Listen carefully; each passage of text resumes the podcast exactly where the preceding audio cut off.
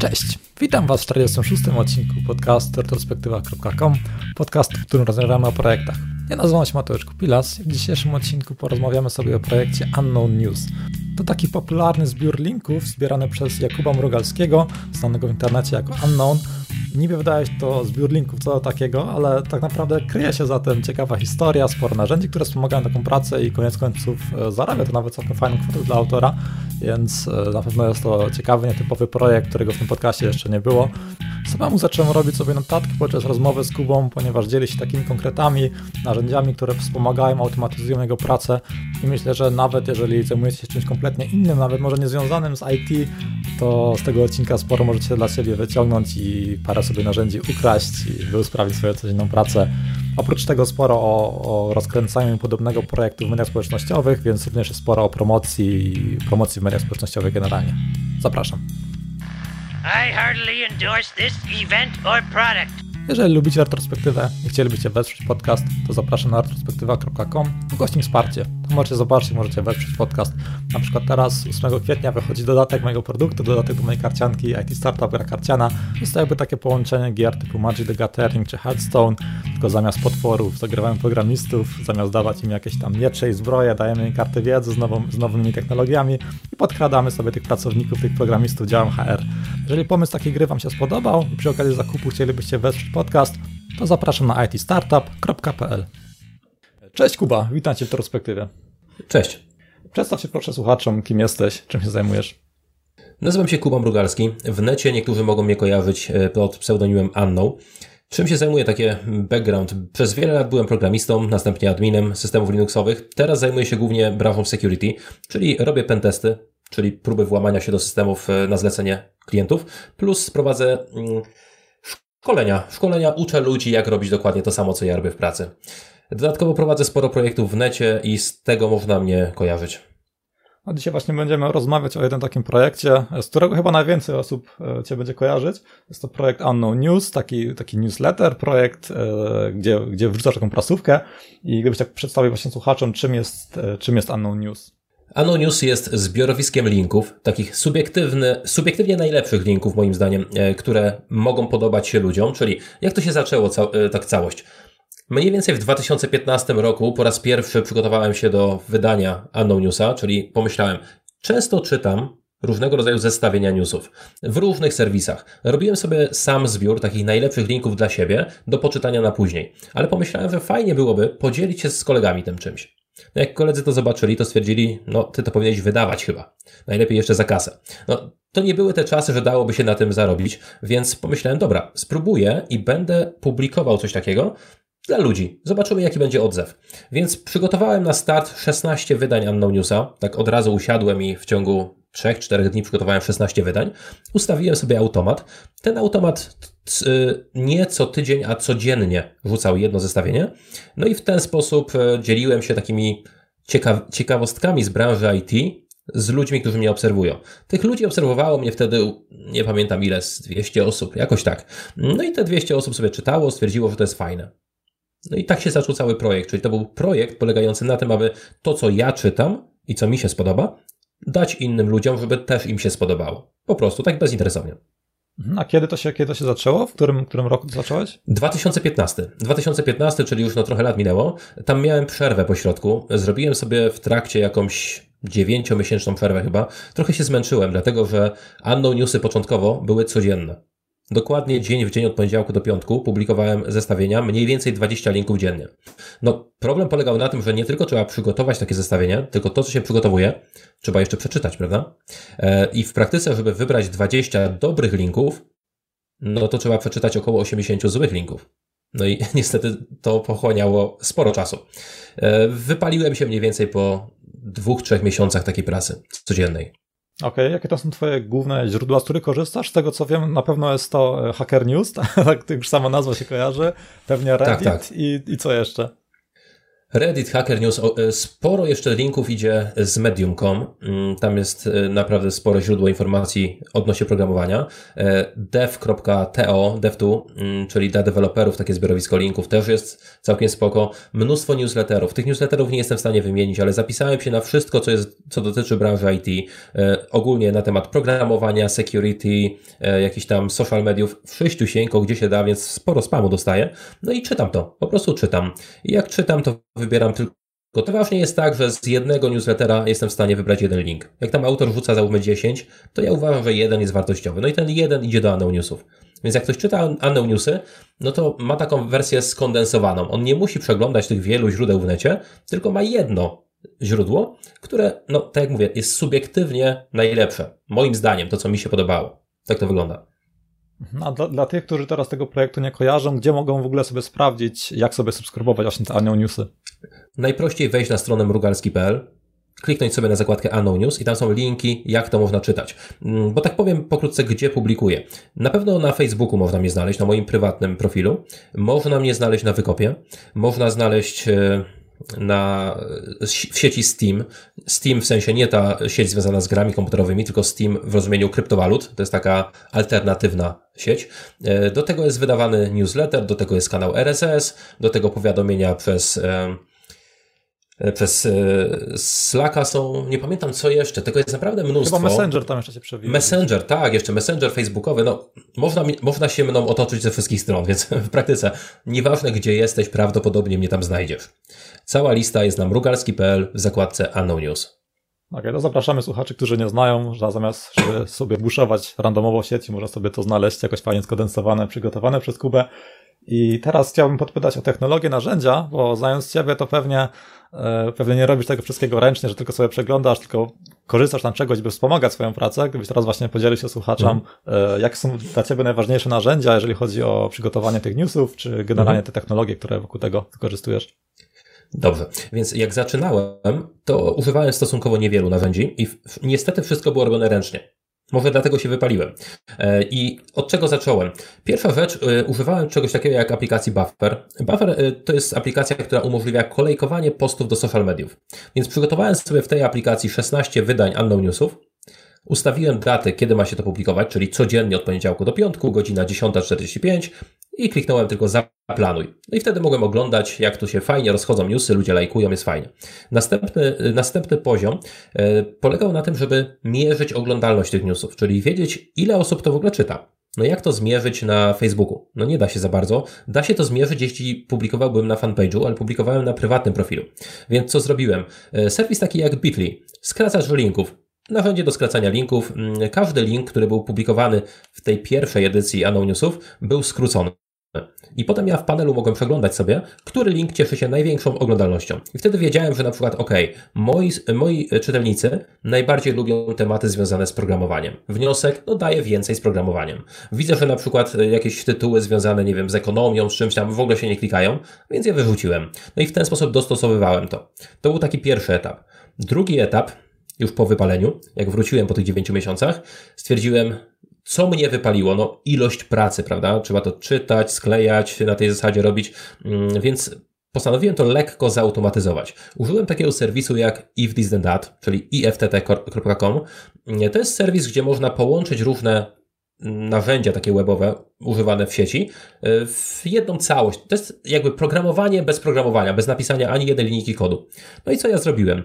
Podpiąłem sobie wszystkie media, gdzie tylko szukam jakichś informacji do właśnie tego IFTT. I wygląda to tak. Do dziś dnia to używam, takiego workflowa. Czyli jeśli na przykład przeglądam sobie newsletter, maile, to zaznaczam sobie gwiazdką newsletter, który mnie ciekawił. I treść tego newslettera automatycznie leci mi na przykład y, do mm, Evernote'a. Czyli wiem, że stamtąd mam wyciągnąć ciekawe linki. Jeżeli przeglądam sobie filmy na YouTubie, jak dam łapkę w górę, to ten zalajkowany film, też automatycznie link do niego dopisuje się do Evernote'a. Następnie czytam jakieś artykuły gdzieś tam w sieci. Każdy zalajkowany na przykład na mecie dopisuje się link do Evernote'a. I wtedy chodzi o to, żeby w jednym miejscu mieć to wszystko pozbierane. Mam tam tytuł, linki, tego typu rzeczy ułożone w linii. Trzeba tylko ładnie sformatować, dopisać opisy typu o czym to jest i puścić do ludzi. Chodzi tylko o to, aby zmniejszyć ilość kroków, jaką mam od momentu znalazłem coś fajnego do momentu jest to już w mojej bazie danych fajnych linków. I ten serwis IFTT, IFTT całkiem fajnie to automatyzuje. No, tak to wygląda obecnie. Tu myślę sobie parę rzeczy od ciebie ukradnę, na pewno fajne, e, konkretne hmm. narzędzia.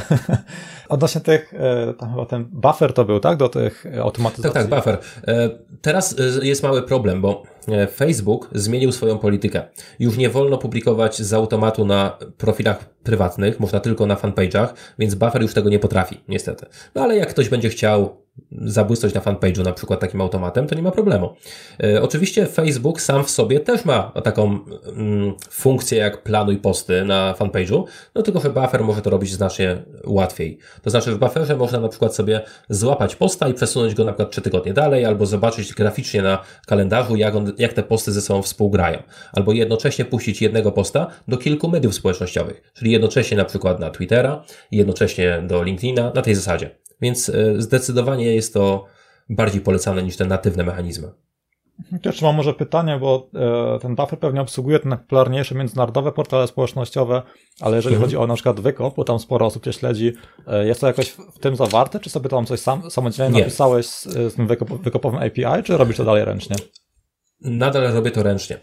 To znaczy, mm, lekko jest to zautomatyzowane. Lekko to znaczy, jak mam napisany mm, tekst na wykop, wklejam sobie to do automatu, który sam napisałem. E, to jest taki automator, który nazwałem tagowator, czyli obkleja tagami odpowiednimi e, ten tekst, który ja napisałem, bo w tym tekście padają słowa kluczowe typu JavaScript, C++, Google, Apple, te, tego typu rzeczy i on wyłapuje to, sprawdza w bazie danych e, wykopu, czy te tagi są wartościowe, czyli czy obserwuje je na przykład więcej jak tam 500 osób. Jeżeli tak, to użyj tego tagu na tej zasadzie. I w ten sposób mam to ładnie otagowane, tak aby zwiększać zasięgi. E, więc w ten sposób jest to robione mm, e, no, ręcznie. Poza tym Dlaczego jeszcze ręcznie to robię na wykopie? No, język na wykopie jest czasami inny. Czasami coś innego chcę przekazać ludziom na Facebooku, coś innego ludziom na wykopie. Na wykopie publikuję pod innym, na przykład w innych mediach społecznościowych. E, więc ta komunikacja jest bardziej dostosowana do ludzi z wykopu. Dlatego właśnie jest to metodą copy-paste'a, nazwijmy. Tak, tak, też to zauważam właśnie, gdy wrzucamy coś na Facebooka i tam to się dobrze klika, to jednak wykop to jest całkowicie inna bajka. Jeśli chodzi o wykop, to też zaznaczam jedną rzecz. Publikuję na mikroblogu, czyli nie tworzę znaleziska dla każdego z wydań, bo za coś takiego to byłem na czarnej liście chyba większości użytkowników, tylko to jest mikroblog. Czyli coś takiego, gdzie publikuje się swoje teksty. Oddzielny dział na wykopie dla tych, co nie znają i tam można mnie znaleźć. Okej, okay. to sporo, sporo tego, o, jeżeli chodzi o automatyzację, e, o projekcie. I teraz mhm. przejdźmy może do e, monetyzacji. Właśnie, bo jeżeli jakiś projekt długofalowo rozwijamy, to warto by ten zainwestowany czas jakoś się zwracał. E, czy monetyzujesz ten projekt w jakiś sposób? Czy był od początku taki plan i koniec końców jakie są tego efekty? Początkowo nie było żadnych planów monetyzacji, mm, to znaczy po prostu publikowałem, dlatego sprawiało mi to przyjemność, dlatego że ludziom się to przydawało, no i w zasadzie tak to działało jakoś. Po pewnym czasie ludzie sami zaczęli się do mnie odzywać, na zasadzie, ok, to co tworzysz jest wartościowe, ułatwiło mi to życie, pracę, cokolwiek, albo daje mi fan. E, chciałbym ci postawić piwo, kupić więcej yerby, no cokolwiek, nie wiem, jak mogę ci się odwdzięczyć. No to założyłem sobie na mm, PayPalu E, zbiórkę. Na zasadzie możesz kliknąć w tego linka i wysłać mi jakieś datki. Tych datków nie było dużo. Mniej więcej z datków wychodziło tak ze 100 zł miesięcznie. Nie więcej. No, na yerbę wystarcza. Nie nawykałem, tym bardziej, że projekt nie miał się monetyzować. E, następnie postanowiłem, że skoro klikalność w linki jest naprawdę duża, e, no to w takim razie mogę dorzucić tam jakieś swoje własne projekty. Takie projekty, które są komercyjne, a które są związane z tematyką takiego zestawienia. Więc dorzucałem jakieś grupy na Facebooku swoje, dorzucałem jakieś e, małe projekty, swoje podcasty, tego typu rzeczy. No i to trochę zwiększyło ten poziom monetyzacji. Potem zacząłem jeszcze dorzucać raz na jakiś czas takie powiadomienia odnośnie promocji, promocji w branży IT. Na zasadzie wydawnictwo Helion ma teraz promocję kup 3, zapłać za jeden na przykład, albo coś w tym stylu, albo e, promocja na tam VPN-a NordVPN. I rzucam. No i w ten sposób na tych linkach partnerskich dało się zarabiać. Tutaj już to nie było załóżmy 100 zł miesięcznie, tylko tam doszło do powiedzmy, nie wiem, z 500 zł miesięcznie. Więc e, całkiem nieźle. Po pewnym czasie no ludzie zaczęli pytać, czy dałoby się żebym wskoczył na przykład na Patronite'a. No i to był taki spory krok. Nie jestem przekonany, czy dobry, czy zły, E, też nie jestem przekonany, czy bym go powtórzył, bo jednak sporo problemów z tym jest związanych. Mm, ale tak, postanowiłem, dobra, skoczę na Patronite, tylko no, trochę było tak wstyd, że na zasadzie, mm, no ile osób mnie tam wesprze? No nie wiem, no może 10 znajdę, 15, no ale dobra, dla tych 10-15, którzy chcą mnie e, wspierać, założę tego Patronite'a, będzie ok. No i jak się okazuje, no Patronite daje obecnie około 2000 zł miesięcznie, czyli no całkiem nieźle. Więc tak w tym momencie wygląda monetyzacja tego.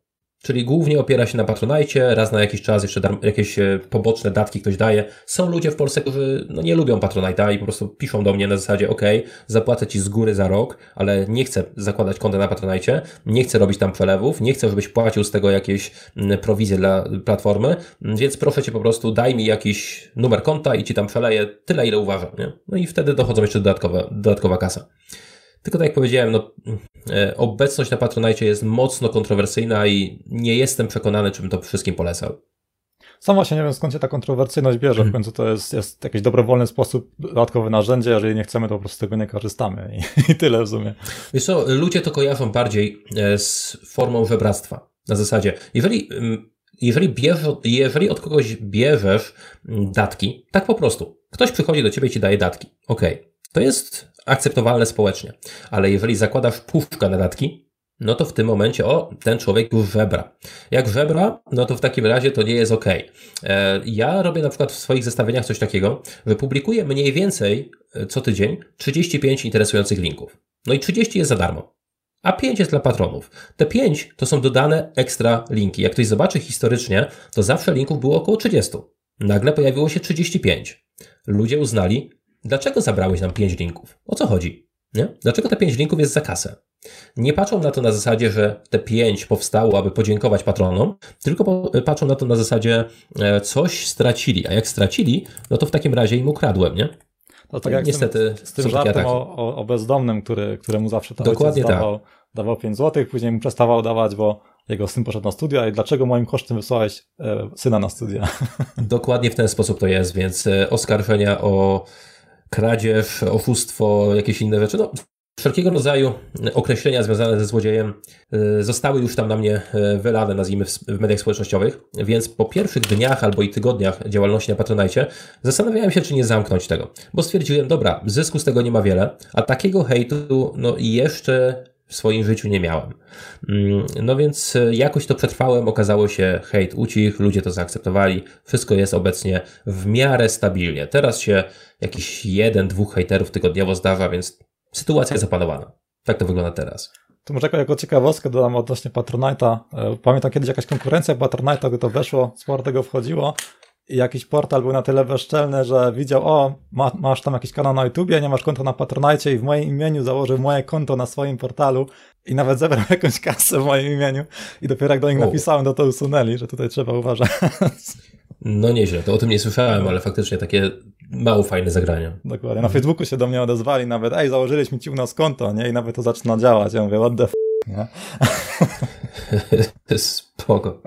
E, tak w kontekście monetyzacji, bo tu fajnie, że się podzieliłeś liczbami e, i tak by, by ludzie mieli jakiś kontekst, jakie zasięgi generują takie linki, jak, jak one się klikają mniej więcej? Powiem tak, obecnie ciężko jest to zliczyć z prostego względu. No, publikuję w wielu mediach społecznościowych i nie tylko mediach mm, i nie wszędzie da się to policzyć, tę klikal klikalność. Czasami raz na jakiś czas robię takie testy, że rzucam kilka linków, które są skrócone właśnie przez Bitly albo jakiś inny skracacz, no i sprawdzam sobie jaka jest klikalność. Y, z takich moich testów wynika, że mniej więcej na linka wchodzi od 3 do 10 tysięcy osób. Czyli jak y, wyląduje w takim zestawieniu coś, jakiś news, to między 3 a 10 tysięcy tam wejdzie. Rekordowy link y, miał około 30 tysięcy wejść. 30 tysięcy wejść to był link do, niech sobie przypomnę, tekst odnośnie tego, jak Richard e, Stallman korzysta z internetu. Czyli ten gość od tam Fundacji GNU, on opisał sobie posta, jak korzysta z internetu. No i ten post jest taki dość specyficzny, jak to pan, który opisuje to. E, no i to była chyba największa klikalność w historii, jeżeli się nie mylę. Ale tak mniej więcej w tych zakresach się mieszczę. 3 no. a 10. To bardzo, bardzo fajne liczby.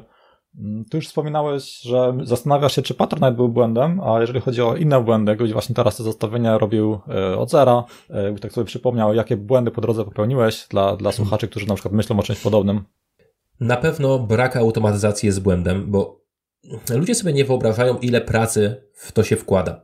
Teraz, gdy wszystko jest zautomatyzowane i wszystko e, działa w taki specyficzny, bardziej profesjonalny sposób, teraz na powstanie jednego zestawienia newsów potrzebuje między 2 a 4 godziny. To jest dużo, ale dawniej, gdy nie było żadnej automatyzacji wszystko robiłem ręcznie, no to to było bardzo, bardzo dużo, to znaczy jedna dniówka taka robocza, no była, e, żeby takie zestawienie robić. A jeśli natomiast publikowałem codziennie, no to wiadomo, że nie dało się tego robić typu dniówka codziennie poświęcona, więc robiłem to po nocach. Po prostu e, wtedy miałem małe dziecko i to dziecko się budziło tak regularnie co półtorej godziny w nocy, więc ja jak wstawałem je uśpić, to wstawałem z telefonem i po prostu czytałem jakieś newsy, klikałem dodaj do zestawienia, dodaj do zestawienia w ten sposób. No i na rano miałem połowę zestawienia gotowe. Potem budziłem się i drugą połowę dopisywałem. No, taki tryb, no ile można tak wytrzymać? Nie za bardzo się da. Więc jeśli ktoś planuje robić jakieś takie zestawienia, to się teraz e, ładnie nazywa e, zostać kuratorem kontentu tak, zwany, e, tak zwanym, no to e, warto byłoby pomyśleć o automatyzacji. Ja jeszcze pomyślałem krok dalej. Ponieważ mój czas jest ograniczony, a zyski z tego nie są takie duże, aby opłacało się to inwestować, zatrudniłem osobę, która przygotowuje mi też część linków. To znaczy, mam pracownika, który mniej więcej 50% linków, które są w zestawieniach, zbiera dla mnie, przygotowuję je po prostu, przesyłam e-mailem. Ja te linki przeglądam. Tych linków jest zawsze więcej przesłanych niż ja ich potrzebuję i z tych linków wybieram znowu the best of. Na zasadzie takie, które się nadają moim zdaniem do zestawienia. No i w ten sposób 50% zestawienia jest zrobione przez pracownika, 50% przeze mnie i ja tam dodaję właśnie taką swoją otoczkę, czyli każdy link jest opisany przeze mnie e, w taki sposób. No i linki dla patronów 100% wybieram ja. Więc tak to działa obecnie. I nawet z dodatkowym pracownikiem, i tak te przynajmniej 2-3 godziny no, trzeba na to poświęcić. Więc pracy jest przy tym sporo. Mhm. Czyli nie jest tak, tylko ktoś sobie myśli, o, wrzucę sobie parę linków, które znalazłem na wykopie, przekleję je i mam tutaj 2000 zł Patronite'a. Można tak zrobić, oczywiście, wiesz, y, takich prasówek w necie jest sporo. Są ludzie, którzy celują na przykład sobie w takie, w nieco mniejszą skalę, na przykład publikują codziennie, ale wrzucają trzy linki. Też się da, prawda? I tacy ludzie jakby poszli na Patronite'a, pewnie też by zarobili. E, jest na przykład projekt, nie wiem czy kojarzysz, Infopiguła. Infopiguła, czyli taki przegląd mm, odnośnie polityki, gospodarki, czegoś takiego. E, no to jest publikowane z tego co pamiętam co 2-3 dni, ale ilość kontentu, jaka tam jest rzucana, jest na przykład ogromna. Więc jest tu taki cały rozstrzał. Od ludzi, którzy co 2-3 dni publikują niemalże książkę, poprzez ludzi, którzy codziennie publikują trzy linki, wszędzie się da. I co ciekawe, każdy z nich może zarobić, więc tutaj nie ma jakiegoś wysokiego progu wejścia. To nie jest tak, że jak nie masz czasu, to nie podchodź do tego. Podchodź, tylko z, z mniejszą skalą. Nie celuj w 35 linków e, co tydzień, tylko celuj sobie w 5 linków na przykład. Dokładnie, też myślę. Plus automatyzacja, plus coś tam. No. Chodzi o skalę. skalę. Chętnie zapisałbym się właśnie na newsletter, który by mi przysłał właśnie na, na, na tydzień na przykład jeden, dwa fajne linki, a właśnie nie takie zestawienie 30, gdzie tak naprawdę i tak wyklikam sobie dwa. Prawda jest jednak taka, że jak ja publikuję na przykład 30 parę linków, to są według mnie takie najlepsze. A teraz ty czytasz te linki i ty z nich masz wartość z pięciu. Teraz pytanie, które pięć ja ci mam podesłać? Rozumiem o co chodzi. Jest taka tak, bariera. Masz szerszą tematykę trochę. Mhm. No właśnie, tylko y, im mniej się publikuje, tak naprawdę, tym mocniej trzeba to wybierać. No i niestety niektóre rzeczy, które ty odrzucisz od takiej publikacji, są dla kogoś wartościowe. No i teraz jest problem. Co odrzucić, co publikować, jak to wszystko poskładać no to jest wszystko subiektywne. Ja wierzę w to, że to, co wybieram, jest dobre, a ludzie, którzy mnie obserwują, mają podobny gust, albo przynajmniej zbliżony. No i w ten sposób mają z tego wartość. Okej, okay, jasno, tym bardziej właśnie, że mierzyłeś klikalność tych linków, wyrzucałeś te, mhm. które się nie klikają, że tutaj na pewno masz, Pewnie. E, jak to mówisz, 4 lata doświadczenia już, nie? Z rzucaniem tego. Tak, tak. E, robiłem też ankietę. E, puściłem ankietę do ludzi, zapytałem ich, co ci się podoba, co ci się nie podoba, czego jest za dużo, czego za mało. I z tej ankiety też sporo rzeczy e, no, wynikło odnośnie tematyki. Okazało się, że całkiem nieźle dopasowuje to, czyli większość ludzi jest zadowolonych. Dopytałem ich, jak czytają te newsy. Na podstawie tego, jak czytają, w sensie którym kanałem komunikacji, mogłem zdecydować, z których kanałów na przykład można byłoby się usunąć, a na przykład gdzie trochę ulepszyć ten przekaz. Więc pytanie swojej społeczności o to, co robię dobrze, co robię źle, to chyba to jest taka rzecz, o której przypomniałem sobie dopiero po czterech latach. To był błąd, zdecydowany błąd. Okej, okay, to, to przeszliśmy przez te naj, e, najważniejsze błędy i teraz e, osoby, które zaczynają na pewno mają z tym problem, jak tu w ogóle zacząć, mm jak tu zdobyć jakieś zasięgi i chciałem właśnie przejść do punktu z reklamą i marketingiem, E, jak, jak właśnie popularyzowałeś swoje newsy? Jak wyglądał u Ciebie reklama i marketing, jeżeli w ogóle można to tak nazwać, czy że to się jakoś naturalnie rozkręciło? Jeśli chodzi o reklamę płatną, nie stosowałem jej wcale, czyli zero inwestycji w jakieś e, Facebook Ads, e, tego typu rzeczy, jakieś Google Adsy, niczego takiego nie było. Wszystko było naturalne, ale nie można nazwać, że tam nie było marketingu. Publikowałem te newsy na Facebooku i do każdego posta dodawałem informację, jeżeli ten news Ci się podoba, dodaj mnie proszę do obserwowanych. To wygląda jak takie trochę żebractwo, prawda? Ale chodzi o to, że ludzie natrafiają na, rów, na różnego rodzaju content w necie, przeglądają go, scrollują, klikają lubię to i zapominają, nie wracają do tego, prawda? Więc warto namawiać ludzi, dodaj mnie do obserwowanych, po prostu dodaj. Ja wiem, że teraz to się źle kojarzy, bo oglądamy sobie YouTube'a i co jest na końcu? Poproszę o łapkę w górę, suba i dzwoneczek, tak? No ale no niestety to, to działa. Więc e, prosiłem właśnie, dodaj mnie do obserwowanych. Mało tego, miałem, na tym fanpage'u miałem tam, nie wiem, z 3000 chyba obserwujących, więc jeszcze początkowe te posty udostępniałem na fanpage. Jeśli chodzi o, jeśli chodzi o wykop, na wykopie jest bardzo prosto się wybić ze względu na system tagów. Jesteś anonimowym człowiekiem, obserwuje cię zero osób. No to w teorii masz zerowe zasięgi, prawda? Ale to nie jest prawda. Zaczynasz pisać cokolwiek, otagujesz to dobrze i osoby obserwujące te tagi zobaczą to. Więc możesz od zera zacząć i wybić się na przykład do zasięgu typu tam 1000, 2000 obserwujących bardzo, bardzo szybko. Więc wykop, a konkretnie właśnie mikroblog, polecałbym właśnie dla takich e, początkujących. Warto też założyć sobie na wykopie swój własny tag. E, co to znaczy założyć taga? Zaczynasz go używać, to jest pierwsza rzecz. I druga rzecz, zgłaszasz się do moderacji wykopu i mówisz, to jest mój tag. Co to daje? To daje tyle, że inne osoby nie mogą pod nim publikować. I ty możesz ewentualnie takie osoby tam e, wyciszyć, te zasięgi innych osób są mniejsze na twoim tagu, na tej zasadzie. Po kilku latach powstało coś takiego na wykopie jak e, mirkolisty. Mirkolisty to są takie, to jest system wołania na mikrobloga, czyli jak publikujesz coś, to ten system woła osoby zainteresowane. E, aktualnie mm, te mirkolisty obsługują większość takich tagów autorskich, Mój tag też tam jest. Aktualnie jest tam numer jeden, czyli najwięcej obserwujących osób. Polega to na tym, że jeżeli ja wrzucam na przykład na takiego mikrobloga swój post, to taguję go i dzięki temu dochodzę do osób, które e, obserwują e, te tagi, ale nie obserwują mnie. Następnie używam te mirkolisty do wezwania wszystkich zainteresowanych. I okazuje się, że wtedy przyzywam do tego swojego posta mniej więcej 2000 osób na raz. Jest takie wielkie uderzenie, wszyscy wchodzą Dodatkowo używam czegoś takiego jak boty na Facebooku. Boty na Facebooku można sobie za darmo postawić, więc e, założyłem coś takiego. Mm, dawniej używałem e, ChatFuel, teraz używam ManyChat z prostego względu. Rozmiar bota mi się tak rozrósł, że e, ChatFuel wystawił mi fakturę, więc postanowiłem uciec. Mm, a ManyChat jest darmowy, no limit, można używać ile się chce, więc e, jak to działa? Działa to w ten sposób, że jeżeli e, publikuję nowe zestawienie, to klikam powiadom subskrybentów i oni dostają na swoje telefony informacje. Słuchaj, jest nowe zestawienie, proszę, to jest link do Facebooka, to jest link do wykopu, tu masz link do innych sieci, a tu zostań patrony na Patronajcie.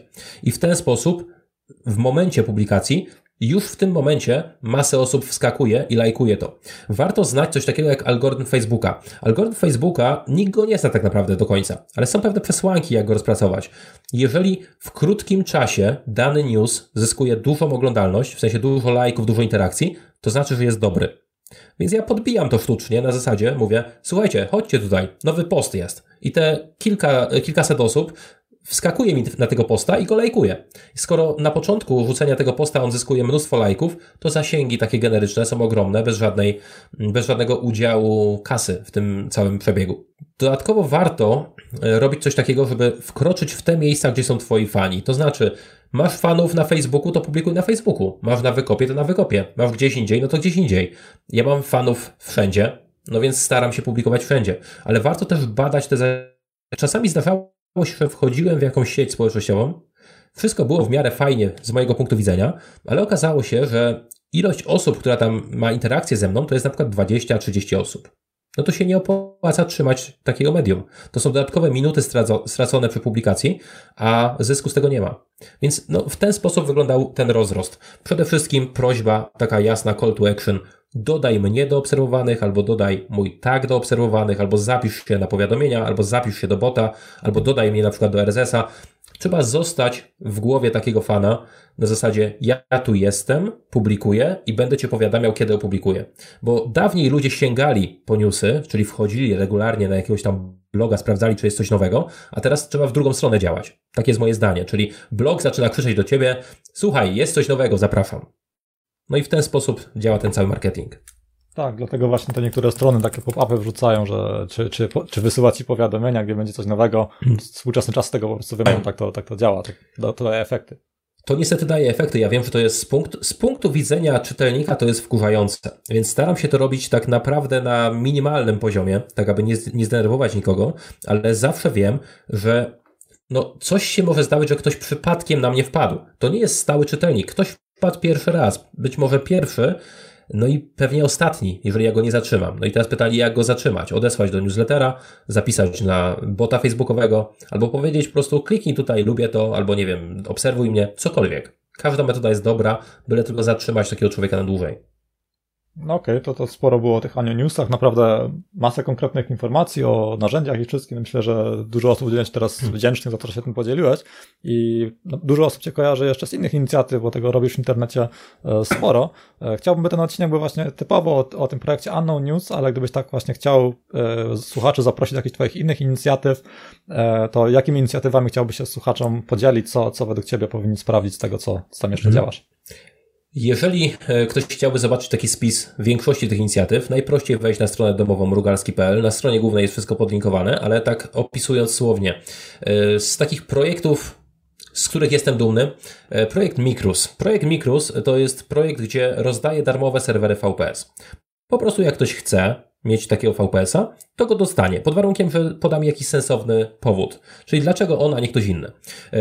Ten projekt, jak nazwa wskazuje Mikrus, on polega na tym, że dostajesz naprawdę mały serwer VPS. Ale ten mały serwer VPS e, daje Ci możliwość poznania, jak się administruje serwerami, jak się obsługuje Linuxa. E, masz dokładnie ten sam e, taki mm, poczucie administracji jak dużym serwerem. Poza tym razem z tym Mikrusem stworzona została grupa na Facebooku, która nazywa się Mikrusy. Do tej grupy można dołączyć, czy się ma Mikrusa, czy też nie, nie ma znaczenia. I tam jest taka wzajemna pomoc między ludźmi. Czyli ci ludzie, którzy dostali Mikrusa lub też nie, mm, oni zadają pytania. Słuchajcie, jak mogę postawić usługę jakąś tam, albo coś mi się wysypało, jak zrobić, co zrobić. Więc stworzyła się koło tego taka mała mm, subkultura mikrusowców, którzy pomagają sobie nawzajem. Więc to jest całkiem niezłe. E, też stwierdziłem tak, że tych podań o mikrusy naprawdę jest sporo. A nie każdy potrzebuje serwer, bo tam w podaniu trzeba podać, do czego ty będziesz używał serwera. No i okazuje się, że ktoś chce postawić sobie serce, y, sesję na IRCU. No to sesja na IRCU i ty potrzebujesz serwera do tego? No chyba nie bardzo. Do czego potrzebuje taki gość? No serwera shellowego. Więc serwery shellowe też rozdaję. To jest kolejny projekt. Do, do tego działam też yy, na YouTubie. Na YouTubie troszeczkę jest to, no, Mm, mało żywe, bym powiedział. Mam trzy kanały na YouTubie. Jeden kanał odnośnie nauki programowania, nauki administracji serwerami. Ten kanał, on jest w sumie martwy od chyba dwóch, trzech lat, jeżeli się nie mylę. Niestety e, czas mój prywatny jest bardzo ograniczony, a stwierdziłem, że niestety publikacja filmów najbardziej go zjada. Publikowanie jednego filmu to czasami wiele, wiele godzin pracy, więc e, z tego na razie zrezygnowałem. Mm, jeśli chodzi o drugi kanał, to jest kanał z przemyśleniami. Jeżeli ktoś jest w miarę otwartym człowiekiem i lubi posłuchać inne spojrzenie na niektóre tematy związane z polityką, światopoglądem, ekonomią, tego typu rzeczami, to też tam jest ten kanał. Linki do tych wszystkich kanałów są na mrugalski.pl, można sobie poklikać. Trzeci kanał to jest kanał z y, interpretacjami biblijnymi. Y, ja zajmuję się hobbystycznie, nazwijmy, y, interpretacjami biblijnymi, więc też ktoś nie jest E, negatywnie nastawiany do spraw kościelnych, od razu mówię o kościele, nic nie mówię, tylko bardziej o takich rzeczach, co jest w książce napisane, to też mogę sobie tam zerknąć. Dodatkowo tworzę jakieś teksty, nie mam własnego bloga, Ludzie nazywają mnie często blogerem. No fajnie być blogerem bez bloga, ale tworzę teksty, publikuję w losowych miejscach. Najczęściej moje teksty wrzucane są na Facebooka jako normalne notki, albo te dłuższe, które się nie mieszczą na Facebooku, są na portalu Medium, więc na Medium można mnie też obserwować. No i oczywiście sieci społecznościowe. W praktycznie każdej można mnie spotkać. Na e, Twitterze, na Instagramie. Gdzie się da, to tam staram się raz na jakiś czas udzielać. Nie pamiętam, czy jeszcze jakiś ciekawy projekt tam był, ale co jakiś czas staram się coś wypuszczać. Takie główne źródło informacji odnośnie tego, co robię, to myślę jest Facebook. Więc najprościej wejść sobie na Facebooka, wpisać Mrugalski Jakub i kliknąć obserwuj. Jak coś nowego się pojawi, to na pewno dostaniesz powiadomienie, więc myślę, że to jest najprostsza metoda. Jeszcze miałem pytania, e, pytanie od słuchacza, właśnie ktoś przed, e, przed nagraniem mi podesłał e, z pytaniem właśnie, co dalej z tym twoim kanałem YouTube, chyba chodzi o ten największy, to chyba odpowiedziałeś, że po prostu to zwyczajnie brak czasu, to, to po prostu... Tak, ale szczerze mówiąc myślę, bardzo poważnie myślę o powrocie do tego kanału, z prostego względu, no, cieszył się on dużą oglądalnością. Feedbacki, jakie otrzymywałem od ludzi, którzy korzystali z niego, którzy zdobywali wiedzę, były bardzo, bardzo pozytywne.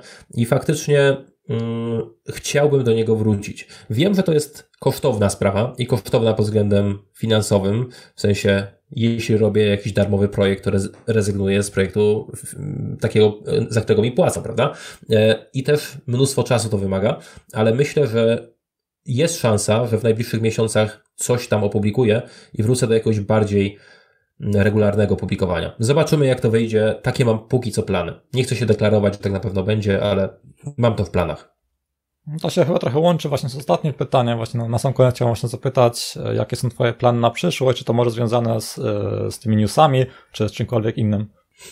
Jeśli chodzi o newsy, to zastanawiam się, bo mm, powiem tak, publikuję w wielu miejscach i każde z tych miejsc ma swoje plusy i ma swoje minusy. Niestety minusów jest więcej, więc zastanawiam się, czy nie wyjść e, z sieci społecznościowych i nie publikować na własnym medium. Na przykład przerobić Unknown Newsy na newsletter. Bo e, powiem o co chodzi dokładnie. Publikuję na przykład na Facebooku. Raz na jakiś czas Facebook wyrzuca moje posty. Stwierdza, że nie wiem, jakieś słowa kluczowe algorytm mi tam wyłapał i że nie podoba im się to. Dostaję blokadę. Raz na jakiś czas na przykład moje newsy są rzucane, ale z opóźnieniem na przykład 2-3 godzinnym, bo tam jakiś moderator Facebooka musi coś sprawdzić. Jeżeli publikuję na przykład na wykopie, tam są sztywne zasady, co wolno rzucać, co nie wolno. Jeżeli miałem na przykład model monetyzacji typu linki partnerskie, no to na wykop tego rzucić nie wolno. Mm, za, za to można dostać bana. Dostałem już tam N oszczędzeń tak naprawdę. To nie są po prostu moje media. I za każdym razem musiałem to dostosowywać, czyli na przykład tu wyrzucać linki partnerskie, tu słowa kluczowe zmieniać, tu coś tam, tu coś tam. Ktoś zawsze nade mną siedzi i mówi, dzisiaj nie opublikujesz, albo, albo się to nie podoba. Więc w tego rodzaju takim ekosystemie, czyli za każdym razem publikujesz coś, a ktoś czuwa, czy to wolno publikować, czy też nie, no za bardzo się pracować nie da. Więc myślę, czy nie zrezygnować z tych wszystkich mediów, założyć jakąś stronę i do tego newsletter. Jest taka szansa. Wiem, że wiel, większość osób odpowiedziało, nie, nie chcemy tego w mojej ankiecie, ale naprawdę użeranie się z e, wieloma właścicielami stron, czy to z Markiem z Facebooka, czy e, z Michałem z Wykopu, no po prostu strata czasu. Wolałbym mieć swoje media. Takie są plany, takie są przemyślenia moje. Plus jeszcze te kanały, ożywienie kanałów YouTube'owych. Tu wspominasz o newsletterze, tego właśnie sporo i przy właśnie dużych listach e, koszty też rosną. E, masz tu może jakiś pomysł, e, z czego chcesz korzystać? Masz może jakieś własne rozwiązanie, czy polecasz jakiegoś konkretnego? Od wielu lat korzystam, od wielu lat korzystam z rozwiązania. To się nazywa Sandy. Nie wiem, czy znasz Sandy, czy też nie, ale mm, Sandy to jest aplikacja self-hosted, czyli sam sobie wrzucasz na serwer i ona używa Amazon SESA. SES, czyli Simple Email Solution, to jest najtańsza na świecie opcja do wysyłania e, maili. Taniej już się prawdopodobnie nie da. E, za tysiąc wysłanych maili płacę jakieś 20 groszy, jakoś tak. E, I to jest naprawdę tanio. Jest to przez infrastrukturę AWS-a. Wiele profesjonalnych firm pod spodem używa SESA no to po co mam płacić po, pośrednikowi, jeżeli mogę się podłączyć bezpośrednio do AWS-a? Y, nie jest to może takie miłe, fajne, przyjemne i nie ma wodotrysków, ale jak na tego SESa nałoży się aplikację, która nazywa się Sandy, Sandy kosztuje 59 dolarów, ale to jest taki lifetime. Płacisz raz, korzystasz cały czas. Mm, więc y, sporo y, moich newsletterów tam siedzi sobie. Ja mam newsletter, gdzie powiadamiam ludzi na przykład o jakichś nowościach w branży IT, w sensie promocjach, taki bardziej spamerski bym powiedział. Mam newsletter, gdzie są promocje z chińskich sklepów e, oraz e, wspomniałem o Infopigule, infopiguła.pl. To jest taki newsletter, który mm, publikuje się odnośnie tego, co jest na świecie i tak dalej. Mm, ja tego nie prowadzę, ale to jest e, z mojej infrastruktury wysyłane. Tam jest wiele, wiele tysięcy odbiorców. I z właścicielem tego newslettera zastanawialiśmy się, no jak tyle tysięcy obsłużyć bez maila? Przecież jak robiliśmy wycenę, to wysłanie jednego newslettera to będzie kosztowało setki złotych, nie? Mm, no okazało się, że jest to bardzo tanio, bo obsługa całej infopiguły, jeżeli chodzi o e, wysyłkę maili miesięcznie kosztuje jakieś 60 zł. Więc no, przy tej skali opłaca się. Jeśli planujesz newsletter sandy.co, nie com, tylko co. I to jest całkiem niezłe rozwiązanie. Do tego potrzebujesz oczywiście kartę podpiąć do AWS-a i tam cię charge'ują, nazwijmy. No to, to, to myślę, to jest naprawdę fajne rozwiązanie. Sam mam chyba MailerLite'a i tam przy, tam mam, nie mhm. wiem, 4000 ludzi na liście i tam płacę chyba 80 zł miesięcznie za obsługę tego, więc takie, takie. E, no, no to my tu obsługujemy sobie listy, które mają tam kilkadziesiąt tysięcy osób na liście i to, to jakoś idzie. Więc da się. E, no, wiadomo, że te gotowe systemy typu MailChimp albo jakiś e, tam, nie wiem, FreshMail, one mają mnóstwo takich wodotrysków, które ułatwiają życie. I tego nie, zdobę, nie zrobisz tego sobie sam, prawda? Musiałbyś pisać od zera. Ale trzeba zadać sobie pytanie, czy ja tego potrzebuję? Bo one mają na przykład automat do budowy tam wyglądu maila. No w praktyce budujesz wygląd maila raz, kopiujesz sobie ten szablon i używasz go cały czas, prawda? Czy potrzebujesz mieć generator? Niekoniecznie. Śledzenie linków, klikalności na przykład, Sandy to ma wbudowane. W formularze zapisu, wypisu też wbudowane. Więc można użyć takiego, niby takiego badziewnego systemu, ale jednak działa on całkiem fajnie. No to, to super, bardzo Ci dziękuję za, za, za masę miejsca, którą się podzieliłeś. Myślę, że to jest to na pewno świetny odcinek. Myślę, nie wiem, jakby będziesz miał kolejny projekt, znowu chętnie Cię zaproszę i bardzo Ci dziękuję za, za, za, za podcast. Myślę, dużo osób z tego skorzysta. Dzięki. I to już wszystko w dzisiejszym odcinku. Bardzo dziękuję za słuchanie. Wszystkie linki związane z odcinkiem znajdziecie pod retrospektywa.com kośnik 46, ponieważ to 46 odcinek podcastu. Chyba podesłał sporo tych linków, między innymi te narzędzia, o których wspominał, są tam podlinkowane, więc jeżeli teraz nie chcecie, nie chcecie wracać i sobie notować wszystkiego z podcastu, to tam znajdziecie podlinkowane te narzędzia retrospektywa.com ukośnik 46, tam są te linki. Na koniec chciałbym jeszcze wspomnieć, ponieważ ostatnio parę osób odpytywało, czy retrospektywa będzie na Spotify. My tak się składa, że już od jakiegoś czasu jest na Spotify, a nadal ludzie o to pytają, więc wpiszcie sobie w Spotify retrospektywa, retrospektywa.com i to znajdziecie. Nie wiem, chyba muszę to częściej ogłaszać, ponieważ nadal ludzie pytają o Spotify, a też Spotify już jest obsługiwany kolejnym odcinku podzielę się wynikami przedsprzedaży dodatku mojej karcianki IT Startup, ponieważ będzie to tydzień po starcie przedsprzedaży. Opowiem trochę jak wygląda praca nad takim projektem, jak się projektuje tak naprawdę taką karciankę, jak wygląda przygotowanie do marketingu i jakie mam dalsze plany z takim projektem, między innymi wersja międzynarodowa i gra mobilna, nad którą pracuję. Słyszymy się w kolejnym odcinku podcastu za dwa tygodnie. Cześć!